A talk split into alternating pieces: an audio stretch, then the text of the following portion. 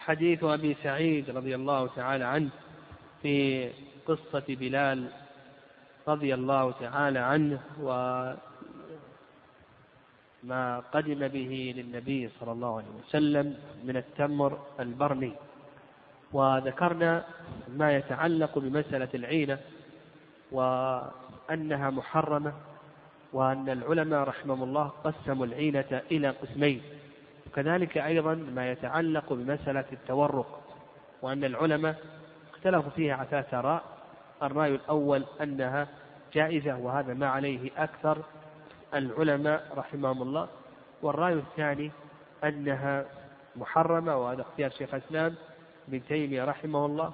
والرأي الثالث أنها جائزة عند الحاجة. نعم، فإذا احتاج إليها الإنسان فنقول بأنها جائزة.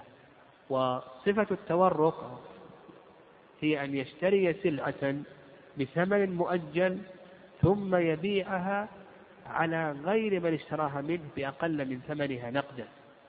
اشتري سلعة بثمن مؤجل تشتري السيارة بمئة ألف ريال مؤجلة.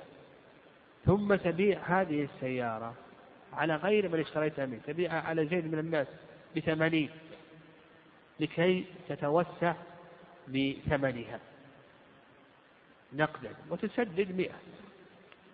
فالجمهور يقولون بأنها جائزة ودليل ذلك أن الأصل في معاملة الحل وهنا آه، عندنا عندنا عقدان. عقدان منفصلان. عقدان منفصلان. فالإنسان له أن يشتري بثمن مؤجل وله أن يبيع بثمن حاضر. فهما عقدان منفصلان وصورة الربا بعيدة. والرأي الثاني الذين قالوا بالتحريم قالوا بأن الربا موجود أو بأن صورة الربا موجودة. هو الآن اشترى بثمن مؤجل بمئة ألف وأخذ ثمانين فأخذ ثمانين مقابل مئة. هذه صورة الربا. لكن نعم لكن الجمهور يجيبون عن هذا بأن العقد هنا منفصل. العينة صحيح. اشتريت من زيد بثمن مؤجل ثم بعت عليه هنا بيعتان في بيعة وهذه صورة الربا الآن موجودة دخلت بينهما السيارة أو السلعة. كما قال ابن عباس رضي الله تعالى عنهما دراهم بدراهم بينهما حريرة. فكأنك الآن آه، أخذت ثمانين بمئة مؤجلة. هذه صورة الربا. لكن هنا فيه بعد. وإذا قلنا بالجواز مع الحاجة إذا قيل بأنها جائزة مع الحاجة كما هو الرأي الثالث يعني هذا أقرب إلى العدل وإلى حاجة الناس. يعني الناس يحتاجون إلى مثل التورق آه، يعني يحتاجون إلى مثل التورق. ولا يجدون من يقرضهم قرضا حسنا. إذا قلنا بالجواز هو لا بد أن يضبط الجواز. نعم لا بد. أن فنقول الضابط الأول للجواز أن يكون هناك حاجة. أما إذا كان أمور كمالية فلا يجوز. إنسان يشتري سيارة وعنده سيارة. إنسان يشتري بيتا غير بي بيتا غير بيته عنده بيت ثم يسلك التورق إلى آخره. فيظهر يظهر أنه لا يجوز. لا بد هناك حاجة قائمة. يحتاج إلى بيت يحتاج إلى زواج يحتاج إلى سيارة ليس عنده سيارة. أما كونه يسلك التورق هذا مع شيخ الإسلام يرى التحريم. نعم وكما ذكرت أن بعض الاقتصاديين اليوم يقول بأن مفاسد التورق الموجود نعم مفاسد الربا موجودة في التورق. فنقول الصورة الأولى أن يكون محتاجا للمال. أما إذا كان غير محتاج فإنه لا يجوز. الضابط الثاني ألا يجد طريقا إلا طريق التورق. لا يتمكن من السلم لا يتمكن من القرض الحسن إلى آخره. الصورة الثالثة الصورة الثالثة أن تنتفي صورة الربا. يعني أن تنتفي صورة الربا. لأن الآن يوجد الآن في البنوك ما يسمى بالتورق المنظم أو التورق المصرفي. مجرد أنك توقع على أوراق ينزل في حسابك خمسين ألف وستين ألف. البنك يعمل كل العملية لك. يقول عندي لك سلعة ضبيعة لك واشتري لك و... فهذه صورة الربا موجودة لا بد أن تنتفي صورة الربا عن هذا التورق بحيث أن المسلم إذا احتاج إلى هذا يأخذ السلعة يقبض السلعة ويقوم ببيعها يشتري السلعة ويقبضها ويقوم ببيعها.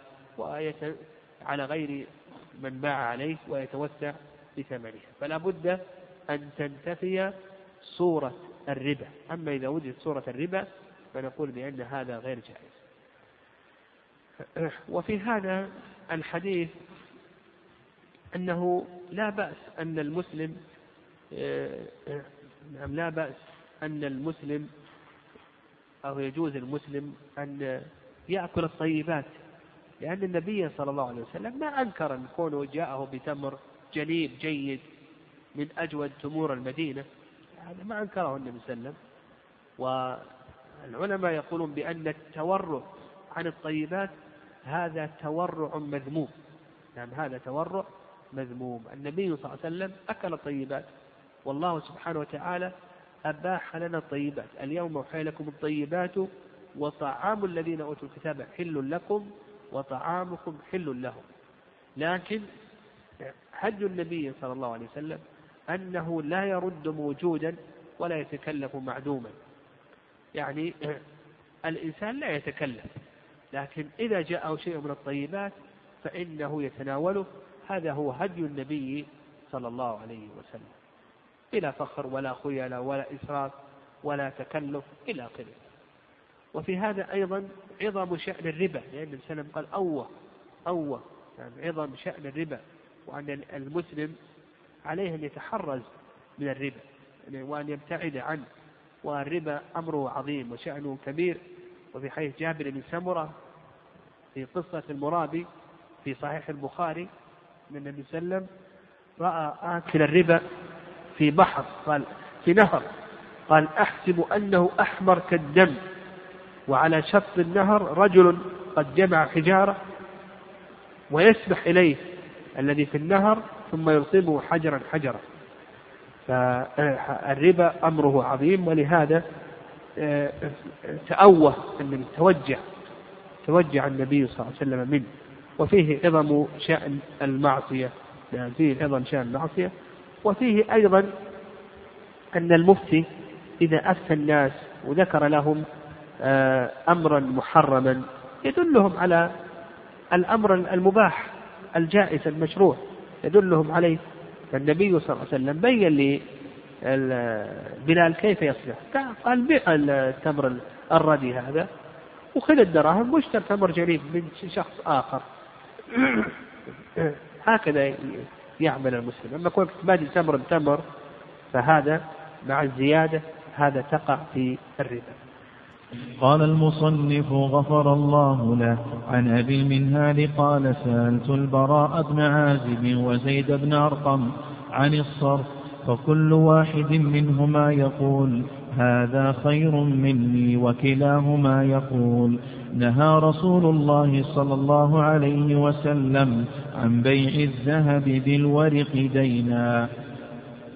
عن أبي بكرة رضي الله عنه قال نهى رسول الله صلى الله عليه وسلم عن الفضة بالفضة والذهب بالذهب إلا سواء بسواء وأمرنا أن نشتري الفضة بالذهب كيف شئنا ونشتري الذهب بالفضة كيف شئنا.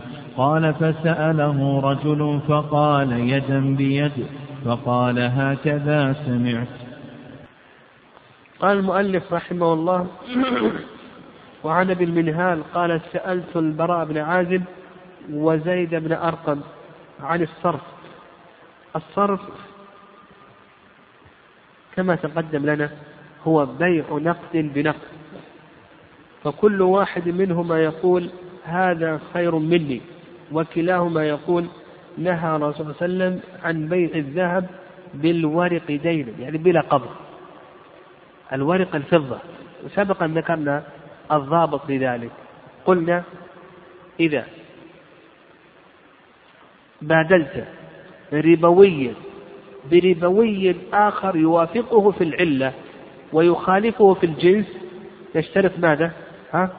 التقابل إذا بادلت ربويا بربوي آخر يوافقه في العلة ويخالفه في الجنس لا بد من القبض. ولهذا الذهب بالفضة عندما تبادل ذهبا بفضة لا بد من القبض. يتفقان في العلة وهي الثمنية ويختلفان في الجنس. ريالات بذهب لا بد من القبض. يتفقان في العلة الثمنية ويختلفان في الجنس. ريالات الفضة لا بد من القبض. يتفقان في العلة ويختلفان في الجنس. بر بشعير رز ببر دخن في رز يتفقان في العلة ويختلفان في الجنس. هنا في الصرف الذهب بالورق دينا يقول لك المؤلف رحمه الله آه، أو يقول النبي صلى الله عليه وسلم بأن هذا محرم ولا يجوز. ومثله أيضا اليوم بيع العملات. كل عملة بلد جنس مستقل. عندما تبادل ريالات بدينارات لا بد من القبض. التساوي ليس شرطا لكن نشترط التقابل كذلك أيضا عندما تبادل ريالات بجنيهات أو بليرات أو بدراهم لا بد من التقابل وإذا اتحد الجنس نشترط ماذا؟ شرطين التساوي والتقابل ذهب بذهب فضة بفضة ريالات بريالات دولارات بدولارات جنيهات بجنيهات لا بد نعم لا بد من الشرطين.